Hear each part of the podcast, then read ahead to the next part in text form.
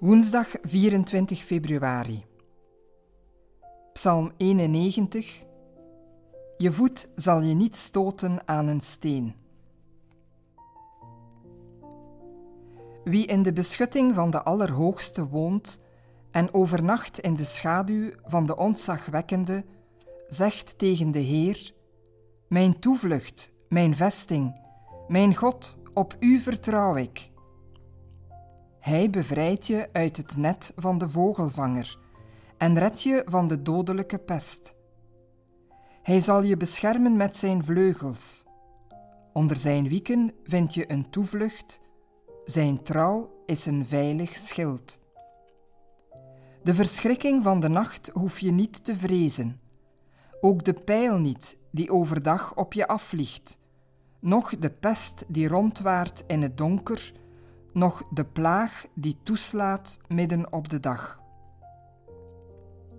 Al vallen er duizend aan je linkerzijde en tienduizend aan je rechterhand, jou zal niets overkomen. Open je ogen en zie hoe wie kwaad doen worden gestraft.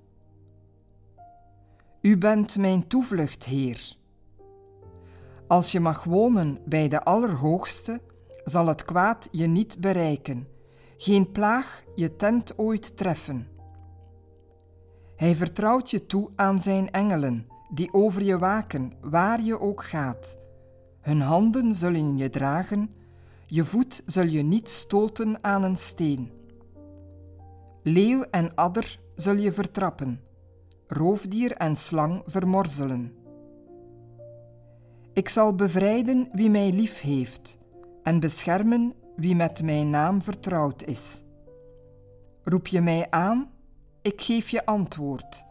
In de nood zal ik bij je zijn, je bevrijden en met roem overladen, je overvloed geven van dagen. Ik zal je redding zijn.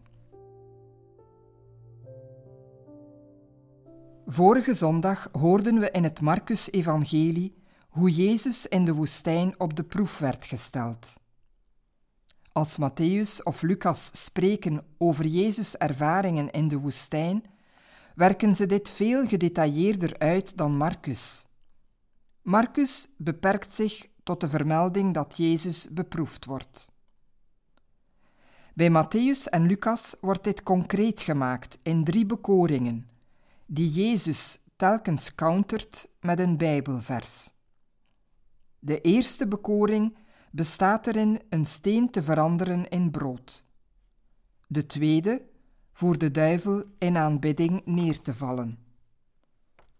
De derde bekoring lezen we hier uit het Lucas-evangelie.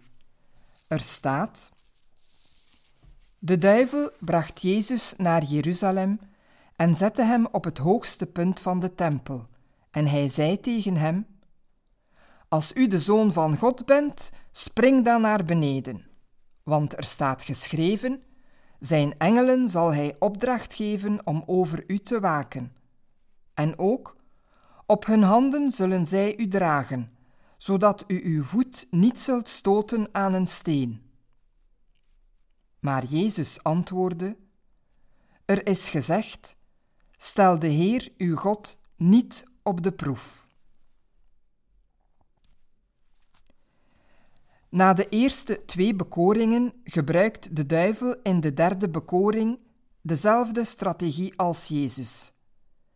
Hij citeert woorden uit de schrift en gebruikt een stukje uit Psalm 91 om Jezus te overtuigen roekeloos te zijn, aangezien God hem zal beschermen, zoals in de psalm staat: Hij vertrouwt je toe aan zijn engelen die over je waken waar je ook gaat.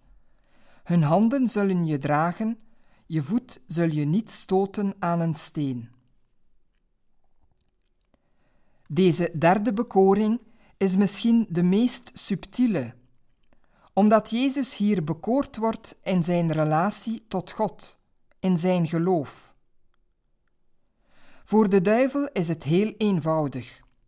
Als je zo sterk gelooft, dan sta je bijna op gelijke voet met God. Dan ben je bijna zelf God. Dit is eigenlijk de definitie van hoogmoed. Hoogmoed is de mens die zichzelf voor God neemt. Wat de duivel Jezus hier voorhoudt, is hoogmoed, 100% puur en ongezoet.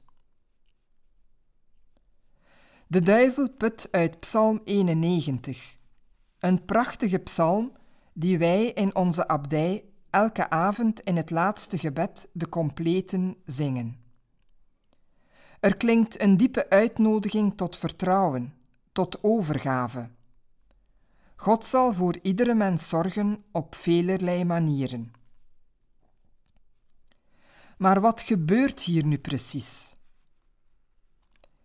Een van de subtielste manieren die de duivel of het kwade, of hoe je de bekoorder ook noemt, gebruikt, is het woord van God perverteren.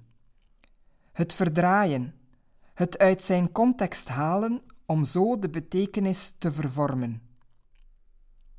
Het oermodel van het geperverteerde woord van God is wat de slang deed in het tweede hoofdstuk van Genesis. God heeft Adam en Eva gezegd dat er één boom is waarvan ze niet mogen eten. De slang fluistert Eva in het oor: Heeft God u werkelijk gezegd dat u van geen enkele boom mag eten? De slang vervormt het woord van God. Van een verbod om van één boom te eten, wordt het plotseling een algemeen verbod dat geldt voor alle bomen. Het spreekt voor zich dat het veel moeilijker is om je aan zo'n algemeen verbod te houden. Want ineens mag je van geen enkele boom meer eten. Tja, dan kan je toch ook niet anders dan het verbod van God naast je neerleggen en toegeven aan die slang met zijn bekoorlijke woorden? Jezus' bekoringen in de woestijn verlopen volgens hetzelfde stramien. God heeft toch gezegd dat Hij over je zal waken? Het staat letterlijk in Psalm 91. Dus mag je roekeloos zijn en risico nemen. Je mag doen wat je wil. God zal wel voor je zorgen. Dit doet me denken aan de karikatuur die in deze coronatijden circuleert. Een man die zegt: Ik heb geen mondmasker nodig. Handshell gebruik ik niet. Sociale afstand is aan mij niet besteed, want ik leg al mijn vertrouwen in God. De man raakt besmet en sterft aan COVID-19. In de hemel vraagt gij God hoe het komt dat hij gestorven is, waarom God niet voor hem gezorgd heeft. Waarop God antwoordt: Heb ik niet voor je gezorgd?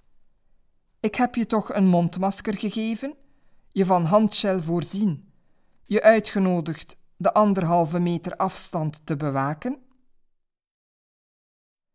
Psalm 91 is een psalm van overgave in bijbelse taal.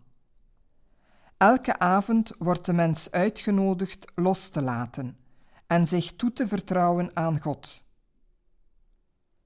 Maar er wordt in de psalm ook gesproken over kwaad, pest, plagen, leeuw en adder.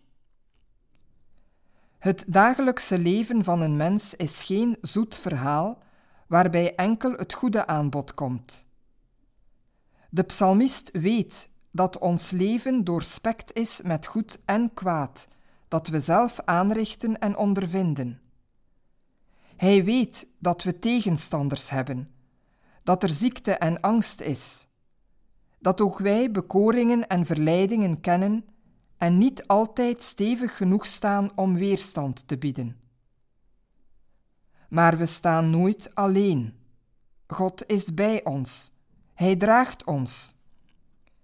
We worden uitgenodigd om telkens opnieuw ons tot God te keren en onze toevlucht bij Hem te zoeken. Niet om domme dingen te doen of roekeloos te zijn, maar omdat Hij onze God is en we weten dat Hij voor ons zorgt op Zijn manier. Psalm 91 nodigt ons uit na te denken over ons geloof, waar we staan.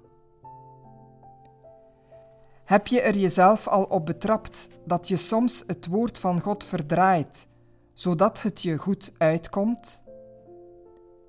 Hoe sterk, hoe diep reikt je vertrouwen op God? Durf je je ten diepste en ten alle tijde overgeven aan Zijn liefde, Zijn zorg, Zijn barmhartigheid? Heb je ogen die de hulp ontdekken die God je op zoveel manieren toezendt?